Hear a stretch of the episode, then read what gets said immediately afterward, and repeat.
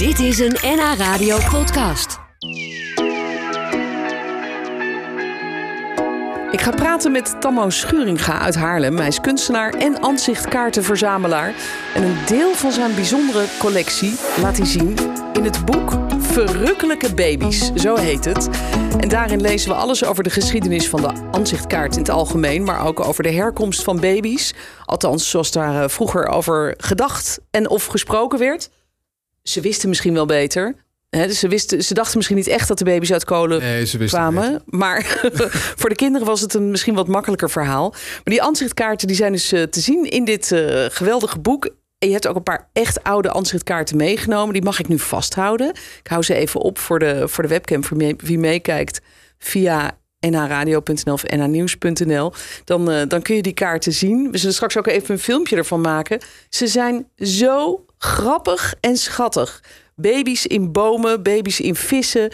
Ehm, de- de- ja, het kan eigenlijk niet gek genoeg. Hoe is dit bij jou begonnen Eh, om dit te verzamelen? Nou ja, het is begonnen op het Waterloopplein. Daar kwam ik een, een kaart tegen met een, van een vis met een mandje in zijn bek met een baby erin.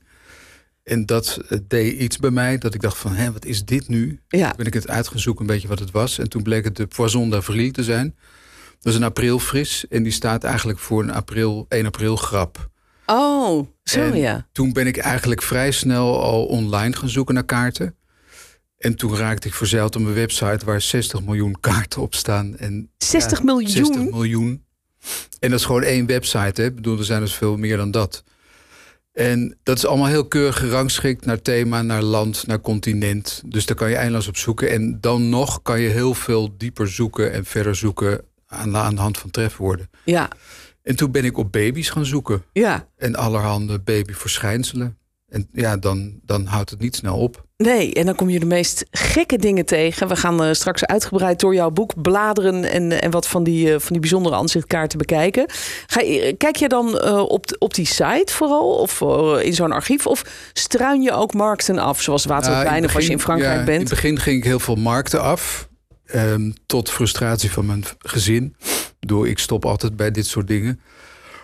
Maar op een gegeven moment heb ik het ook wel een beetje zeg maar, gezien wat er te koop is. En is er online gewoon veel meer te koop. Ja, ja Dat dus is dat. natuurlijk aantrekkelijk, maar ook een soort valkuil. Dat je denkt, ja, Ja, ik koop er nu drie die ik heel mooi vind. Maar ja, dan koop ik er eigenlijk meteen maar tien. Want dan betaal ik hetzelfde portogeld voor tien in een envelop of tien Oh ja. in een envelop. ja dus, dus hoeveel van die kaarten heb jij inmiddels thuis? Heb je enig idee eigenlijk? Ja, ik denk 50.000 of zoiets. 50.000? Ja.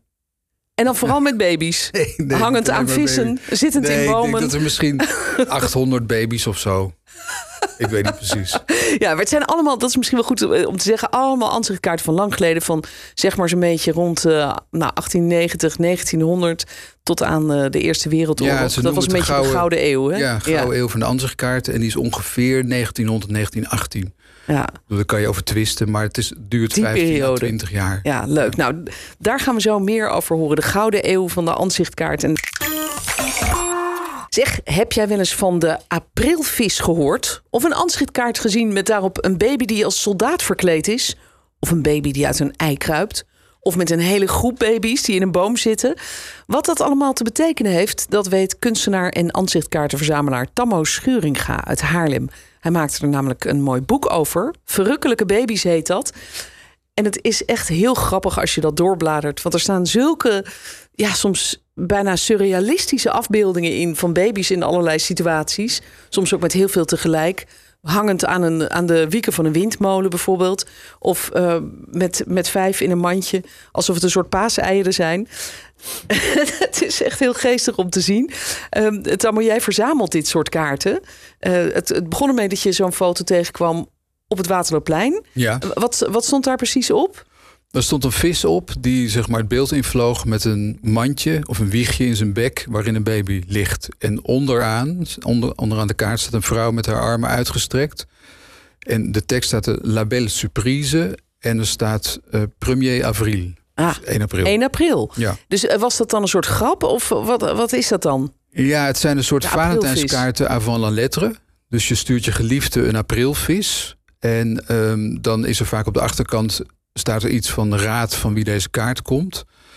Dus ja, het was, een, het was echt in die tijd was het heel normaal om dat te versturen. En nog steeds wordt zeg maar met 1 april worden er visjes op ruggen van mensen geplakt. Oh, wat grappig. Zijn er chocolatiers in, in grote steden die gewoon vissen maken.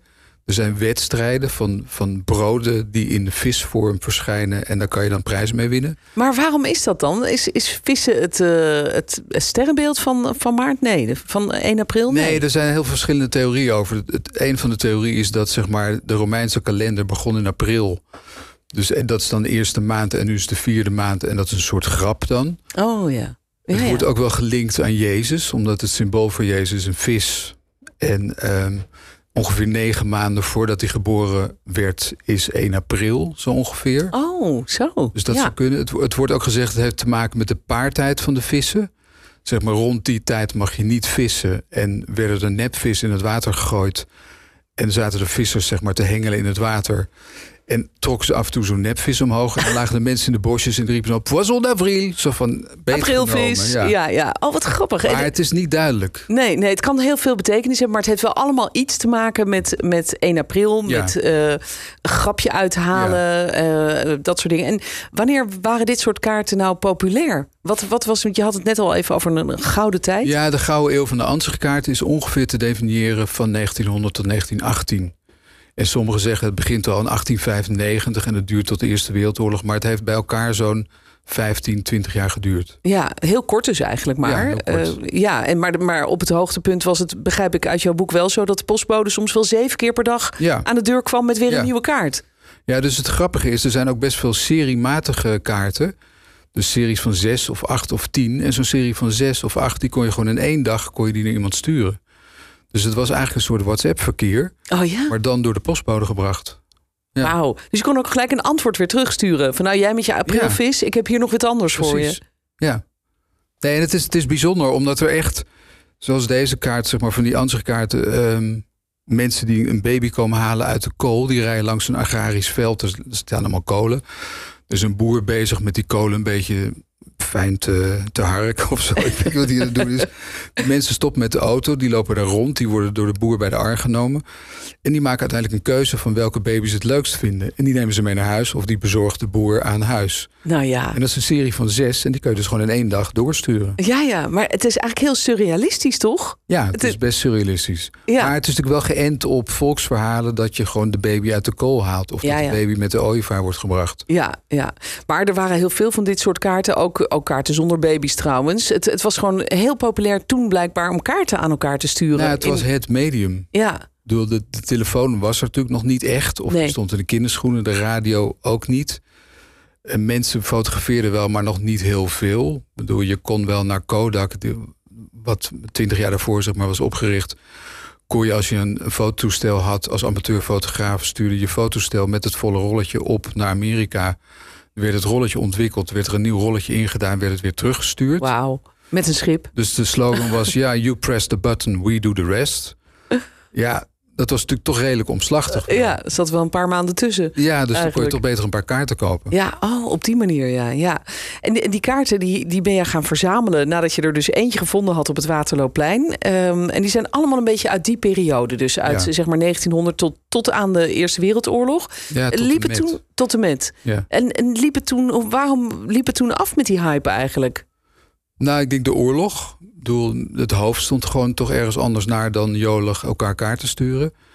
En eh, andere media die opkwamen. Dus de telefoon en de radio. En natuurlijk steeds. En mensen gingen er veel meer op uit zelf. Gingen meer op reis, toerisme, wakkerder aan. Dus de behoefte was gewoon minder. Ja, ja, maar ook de radio heeft er ook aan bijgedragen. Aan het, Ja, eh, dat denk ik wel. oh, Ja, nou, leuk dat hè? Ja, dat is toch ook wel bijzonder. Ja, ze zeggen altijd video killed the radio star. Ja. Maar eh, de radio heeft dus de, de ansichtkaarten de nek omgedraaid. nou nou ja, dat was één van de radio dingen. misschien niet Nee. zozeer hoor. Maar ik denk wel... ehm, Ja, er waren gewoon meer media meer media. Ja. Ja. ja. Maar goed, die, die, die ansichtkaarten toen die fungeerden dus eigenlijk zoals een beetje ons eh, WhatsApp-verkeer. Je stuurde gewoon een grappig kaartje. Iemand kon gelijk een kaart terugsturen. En soms kwamen er wel zeven op een dag bij je binnen als de postbode weer langskwam. Ja. En kon je gelijk ook weer reageren. Heel erg grappig. Die kaarten zijn verzameld in jouw boek Verrukkelijke Baby's. Want dat zijn vooral heel veel kaarten met, met die baby's. Baby's hangend aan vissen of vogels, zittend in bomen. Het zijn eh, vaak hilarische plaatjes eigenlijk en best wel bizar. We gaan daar zo nog even over verder praten. En het leuke is dat ik eh, twee exemplaren van jouw mooie boek mag gaan verloten. Mhm. Eh, dus als je zit te luisteren en je denkt, nou, wat is dit nou weer voor gek verhaal? En ik ben wel benieuwd naar al die plaatjes van die baby's. Dan eh, zou ik zeggen, stuur even een mailtje naar lunchroom.nhradio.nl. Ik heb hier bijvoorbeeld weer een hele grappig van een stoomboot met allemaal babytjes voor op het dek. En allemaal babytjes ook in de luikjes, zeg maar, aan de onderkant. Die zitten blijkbaar eh, onderdeks in een, in een hut. het is allemaal heel grappig. Ik praat nog even verder met Tammo Schuringa uit Haarlem. Hij is kunstenaar en ansichtkaartenverzamelaar. En in zijn boek Verrukkelijke Baby's laat hij een deel van zijn collectie zien. Een klein deel eigenlijk. Want hoeveel had je er ook alweer? Ik denk zo'n 50.000. 50.000 ansichtkaarten heeft hij in huis. En een deel daarvan is dus hier in dit boek afgenomen. Want dit zijn dan vooral de ansichtkaarten met baby's erop. In soms bijzondere situaties, mogen we wel stellen. Ehm, baby's die op een schip zitten. Baby's die aan een luchtballon hangen. Met heel veel tegelijk. Eh, baby's die uit een kool komen. Bijvoorbeeld dit babytje. Ik weet niet of je meekijkt via de webcam op nnnieuws.nl. Maar dit is echt een heel treurig geval. Wat is, wat is dit voor een... eh, zit hier nog een verhaal bij? Nou, dat zijn kinderen die uit de kool komen. Ja. Dat, dat is natuurlijk wel een bekend gegeven. De, de kool, ik bedoel, waar, waar kom je vandaan? Ik kom uit de boerenkool. Net als de ooievaar. Eigenlijk zijn dat het enige twee die we nu nog wel een beetje kennen. De kool ook niet zo erg meer, maar de ooievaar natuurlijk wel. Ja. Maar daarnaast zijn er heel veel andere vindplaatsen waar baby's gevonden werden. En die hebben vaak zeg maar, te maken met de elementen, met water en lucht en aarde. Dus de kool is dan de aarde, de lucht is de ooievaar, de aarde is de boom. Dus dat je een kind kan plukken aan een kinderboom. Oh Of ja. dat je een kind kan vinden in de holleboom in Overveen bijvoorbeeld. Ja. En water, dat je een kind in een waterput kan vinden. Dan, dan sta je daar en hoor je de kindertjes schreien. En dan trek je de kinderen naar boven. Ja, dat waren een beetje de, de volksverhalen eigenlijk, zoals er over gesproken werd. Terwijl mensen wisten natuurlijk wel waar die kindjes vandaan kwamen, toch? Of, of Dat het... wisten ze wel, maar ze vonden het toch een beetje gênant om te vertellen. Ah, Dus er was een enorme schaamtecultuur. En eh, ja, mensen vertelden dat liever niet. Voelden Ja. zich een beetje beschaamd. En dan was het heel prettig dat je zo'n kaart kon laten zien aan je oudste kind. Dat je kon zeggen van nou kijk, je zusje die komt uit de boom. Of die komt uit de boom, of die komt uit de put. Of die komt uit de windmolen. Dat vind ik ook zo'n gekke. Dan zie je dus een windmolen met, met in de wieken allemaal baby's. Ja. En, en, en ook daaronder komen een soort stroom. Daar komen ook nog allemaal baby's uit. Een soort watermolen. dan, Nou, het is een heel fantasierijk gegeven. Dus als je één keer denkt van ze hebben iets met water te maken, eb en vloed, dat staat voor leven en dood. Dan kan je denken, ja, ze liggen in de put, ze worden aan land aangespoeld, ze worden met de boot gebracht, ze komen met een molen, een watermolen.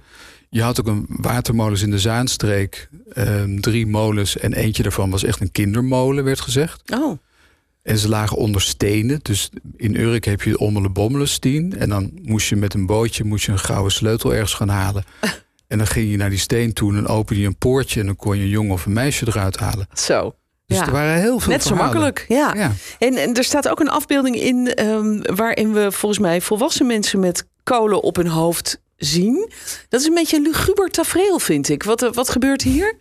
ja, dat is een schilderij, dat heet De Bakker van Eeklo. En er zijn een paar eh, versies van gemaakt. Eentje hangt er in het Muiderslot. En dat voert terug op het verhaal dat de bakker van Eeklo... die kon ervoor zorgen dat als je niet tevreden was over je uiterlijk... dan kon je naar de bakker van Eeklo gaan in België. En dan kon je je hoofd laten ombakken. Dus je kwam binnen, je, je, je hoofd werd afgeslagen door Nou. iemand. Je hoofd werd in de oven gelegd. En in de tussentijd dat je moest wachten tot je hoofd zeg maar, de juiste vorm had aangenomen... kreeg je tijdelijk een kool op je romp geplaatst. Ja, zeg. Wat En- bizar. Ja, het, het grappige is dat zeg maar, termen die wij nu kennen... van je bent een halve garen... dat heeft allemaal te maken met de bakker van Eeklo. Dus als je hoofd zeg maar half gaar was geworden... dan was je een halve garen. Als je heet gebakerd, als je te, te lang in het vuur had gelegen... dan was je een heet gebakerde. Oh, komt het daar vandaan? Dat wist ik helemaal Ja. niet. Wat Dus- grappig. Ja, En een misbaksel? misbaksel ook. Ja? Ja. Dus als je... Als je gewoon niet Niet tevreden was, was. over Net als wanneer je naar de plastisch chirurg gaat en het is een beetje mislukt. Ja, dan ben je ook een misbaksel. Ja, maar hier had je dan letterlijk eh, met je hoofd in de oven gelegen. Ja. Bij de bakker van Eglo. Wat een gekke verhalen allemaal. Wat leuk om je daarin te verdiepen, kan ik me zo voorstellen. dat je elke keer weer denkt van, wat is dit dan? Ja, dat gaat ook maar door. Ik, bedoel, ik, ik had besloten om erin te duiken en ik kwam steeds weer nieuwe dingen tegen. Ja, bijvoorbeeld wat ik ook een gekke wel vind, ook een beetje engig. Sommige plaatjes zijn ook wel een beetje engig, vind ik. Mhm. Eh, bijvoorbeeld baby's in soldatenkleren. Dat ziet er heel, uh, ja... Het is niet heel natuurlijk. Nee, het ziet er niet natuurlijk en ook niet fijn uit op de een of andere manier. Maar waarom werden die, die, die kaarten gemaakt? Nou, dat zijn kaarten uit de Eerste Wereldoorlog. Dat zijn gewoon heel nationalistische kaarten waar de spot met de vijand werd gedreven. Dus zeg maar, de geallieerden hadden een kaartenserie. De Russen en de Engelsen en de Fransen en de Belgen. Die hadden allemaal hun eigen kaart met hun eigen ei... waar een baby uitstormt in het kostuum van het land. Ah, zo. Met een geweer met een bajonet erop. En een vlaggetje van het land zeg maar, op het ei of op de muts of op de pet. Ja. En dat was zeg maar natuurlijk om de bevolking een beetje te laten lachen, maar ook te zien van wij zijn met elkaar de geallieerden en we trekken ten strijde tegen de Duitsers. Ja, ja. Op die manier, ja. En wie maakte die kaarten eigenlijk? Was, was dat een soort één grote fabriek waar dat werd uh, gebakken? Of, of, of, waren er allemaal nou, kunstenaars mee bezig? Nee, er waren kunstenaars mee bezig. Maar het, het gekke is dat het eigenlijk niet zo bekend is. Ik heb contact gezocht met een uh, man in het museum uh, in Zuid-Frankrijk, Postmuseum. En die zei, ja, daar is eigenlijk niet zoveel over te vertellen. Ik bedoel, bij grote series soms wel, staat het er wel op. Soms maakte de uitgever zelf ook de kaarten. Was dat een en dezelfde. Soms werden de kunstenaars ingehuurd, maar werden de namen gewoon nergens gezegd. Dus die kreeg gewoon in één keer betaald en dan was het kennelijk klaar. En dan had je de rechten afgekocht en dan hoefde je die naam ook niet meer te noemen. Dus dat zou wel een volgend onderzoek kunnen zijn. Dat je gewoon helemaal de diepte induikt en kijkt van wie heeft dat dan precies gemaakt. Ja, ja, heel bijzonder deze verhalen. Het zijn ook bijna een soort uh, Photoshop uh, kaarten eigenlijk. Hè? Want soms zijn het wel echte foto's, lijkt het, die ergens ingeplakt zijn. Zoals die baby's in een boom. Dan lijkt het wel echte babyfoto's, maar dan geplakt in een boom. Dat, het, ziet er heel apart uit. Nee, maar het is heel goed gedaan. Het is echt, technisch is het heel bekwaam. Ja. Dus Photoshop is eigenlijk... Uh, ja, een heel zwak aftreksel ervan eigenlijk, ja, zou je kunnen zeggen. Allemaal al lang gedaan. Ja, ja. zoals alles eigenlijk. Ja, zo is het. Ja. Aan het begin dus van, uh, van de 20e eeuw, zo tussen 1900 en, uh, en 1920. De Gouden Eeuw van de Ansichtkaart. En uh, je hebt er een prachtig boek van gemaakt. Verrukkelijke baby's heet dat. De geboorte in kaart gebracht.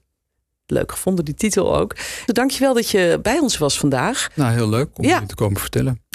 Dit was een NH Radio podcast. Voor meer, ga naar nhradio.nl NH Radio